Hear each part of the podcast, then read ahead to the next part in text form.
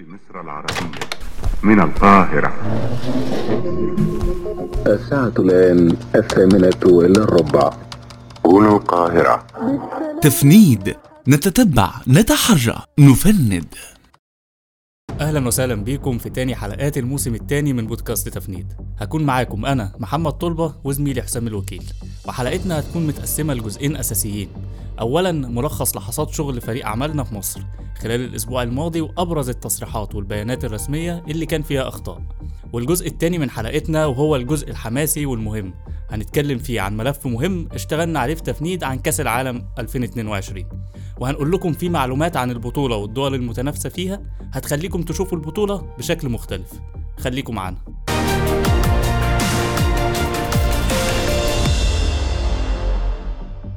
أهلا بكم من تاني. فريق عملنا في مصر أنتج عدد من مواد التحقق المهمة خلال الأسبوع الماضي. كان من أبرزهم تحقق اشتغلت عليه زميلتنا هايدي سمير عن تصريح المهندس أحمد سمير وزير التجارة والصناعة المصري. قال فيه إن حجم التبادل التجاري بين مصر وألمانيا عام 2021 بلغ 5.1 من عشرة مليارات يورو. بعد رحلة من البحث توصلت زميلتنا هايدي إن التصريح ده كان متضارب مع بيانات الجهاز المركزي للتعبئة العامة والإحصاء اللي أكد إن حجم التبادل التجاري بين مصر وألمانيا سجل 4.8 من عشرة مليار دولار يعني أكتر بقليل من 4 مليار يورو خلال عام 2021 والرقمين دول بيتعارضوا بشكل كبير مع التصريح اللي قاله السفير خالد جلال سفير مصر في ألمانيا واللي قال إن التعاون التجاري بين مصر وألمانيا يبلغ حوالي 6 مليار يورو.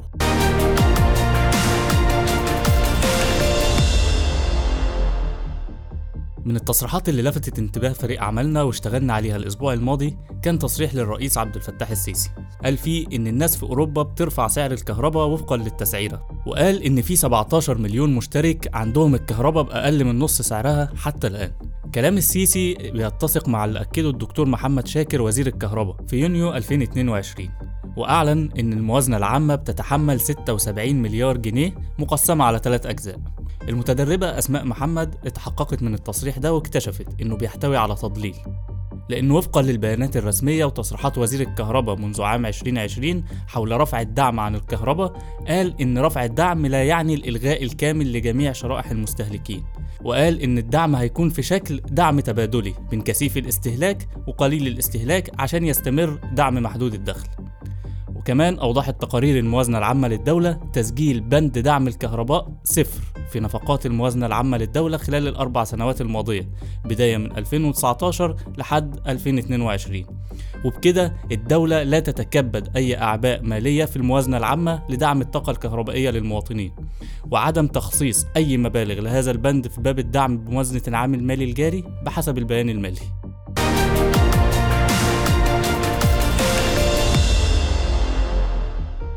من التصريحات المثيرة للانتباه أيضا تصريح الدكتور محمد فهيم رئيس مركز معلومات تغير المناخ بوزارة الزراعة.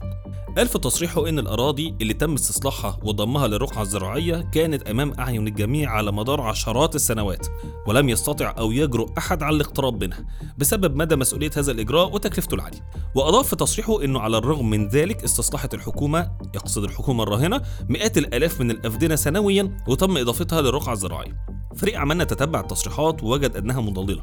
وفقا لبيانات الجهاز المركزي للتعبئة العامة والإحصاء عن مساحات الأراضي المستصلحة.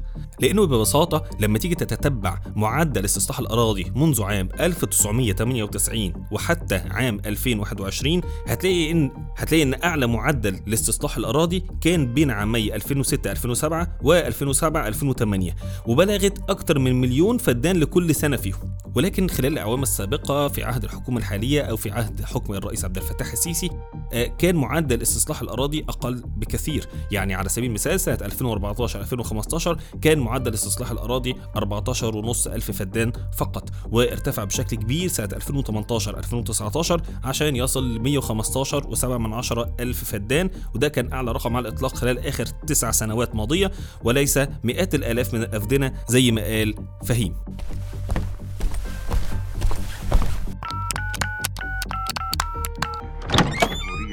العربية. من القاهرة. الساعة الآن الثامنة إلا الربع. هنا القاهرة. تفنيد. نتتبع. نتحرى. نفند. ودلوقتي جه ميعادنا مع الجزء الثاني من حلقتنا النهارده واللي أنا شخصيا متحمس ليه جدا. مع كل بطولة دولية بنسمع معلومات كتير زائفة عن دول عربية وغربية عن إنجازاتها وعاداتها وتقاليدها. وللأسف الشائعات دي بتنتشر بشكل كبير جدا على السوشيال ميديا. عشان كده قررنا في تسنيد إننا نقدم ملف كامل بالبيانات عن الدول المتنافسة في كأس العالم ولكن قدمنا زاوية مختلفة من المنافسة. كل الناس تبعت تقسيم المجموعات التمانية وكل مجموعة مين هيلعب فيها ومين الأوفر حظا بالفوز. إحنا كمان عملنا كده ولكن استعرضنا المنافسة من زوايا تانية. زي عدد سكان كل دولة ومساحتها الجغرافية وأدائها الاقتصادي وكمان نظام الحكم فيها ومستوى الحريات وكذلك ترتيبها بين دول العالم في التعليم والبحث العلمي وكمان ما أغفلناش ترتيبها الرياضي وعدد مشاركتها السابقة في كأس العالم. يعني على سبيل المثال المجموعة الأولى في كأس العالم بيتنافس فيها قطر وهولندا والإكوادور والسنغال. ممكن الناس تكون شايفة إن قطر في آخر المجموعة من حيث فرص الفوز في البطولة. ولكن هتكتشف إن قطر في صدارة المجموعة من حيث نصيب الفرد من الناتج المحلي. هتلاقي إن هولندا مثلا في صدارة المجموعة في مؤشر المعرفة اللي بيشمل ترتيبها بين دول العالم من حيث التعليم قبل الجامعي ومن حيث البحث العلمي والابتكار. هتلاقي كمان إن هولندا في صدارة المجموعة في مؤشر الحريات ومؤشر إجمالي الناتج المحلي. في المقابل الإكوادور لم تتفوق في المجموعة دي إلا في المساحة الجغرافية والسنغال اللي ناس كتير معولة عليها تحقق إنجاز في البطولة هتلاقيها في آخر القائمه في مجموعتها من حيث الاقتصاد والتعليم والبحث العلمي والحريات. ممكن نحكي مثال تاني عن المجموعة الرابعة اللي بيلعب فيها فرنسا والدنمارك واستراليا وتونس. هنلاقي إن فرنسا هي الأكثر تفوقا في الرياضة من حيث الترتيب لدى الفيفا وعدد مشاركات السابقة في كأس العالم. وكمان هي في صدارة المجموعة من حيث الناتج المحلي الإجمالي وهنلاقي إن الدنمارك هي التالية ليها في الترتيب الرياضي ولكنها تتفوق على فرنسا في جودة التعليم قبل الجامعي وكذلك في البحث العلمي. مش كده وبس هنلاقي كمان إنها بتتفوق على فرنسا وباقي المجموعة في نصيب الفرد من الناتج المحلي ونسبة النمو الاقتصادي. وكذلك في الحريات بينما استراليا لا تتفوق في المجموعة إلا في المساحة الجغرافية فقط. وبتأتي تونس في آخر القائمة دون التقدم في أي مؤشر من المؤشرات اللي حكيناه ده كان محاولة لشرح الملف اللي اشتغلنا عليه في تفنيد واللي لما تتصفحه بنفسك بهدوء هتلاقي نفسك قدرت تعمل مقارنات كتير جدا بين الدول المتنافسة من حيث الإنجاز وإيه أهم عوامل الإنجاز في كل دولة وتلاقي نفسك قادر تكون رأي في أسئلة مهمة زي هل التفوق الرياضي مرتبط بالتفوق الاقتصادي؟ هل إطلاق الحريات له أثر على التفوق الرياضي وعلى الأداء الاقتصادي؟ هل التعليم مؤثر فعلا في تقدم الدولة على أصعدة مختلفة ولا لأ؟ طب هل الدول المهتمة بالنشاط الرياضي واللي شعبها مجنون بكرة القدم زي البرازيل بتكون متأخرة في مجالات مهمة زي التعليم أو البحث العلمي؟ كل الأسئلة دي وأكتر هتقدر تجاوب عليها بنفسك لما تشوف الملف اللي نشرناه على كل منصاتنا بعنوان كأس العالم بالبيانات المنافسة بمنظور آخر.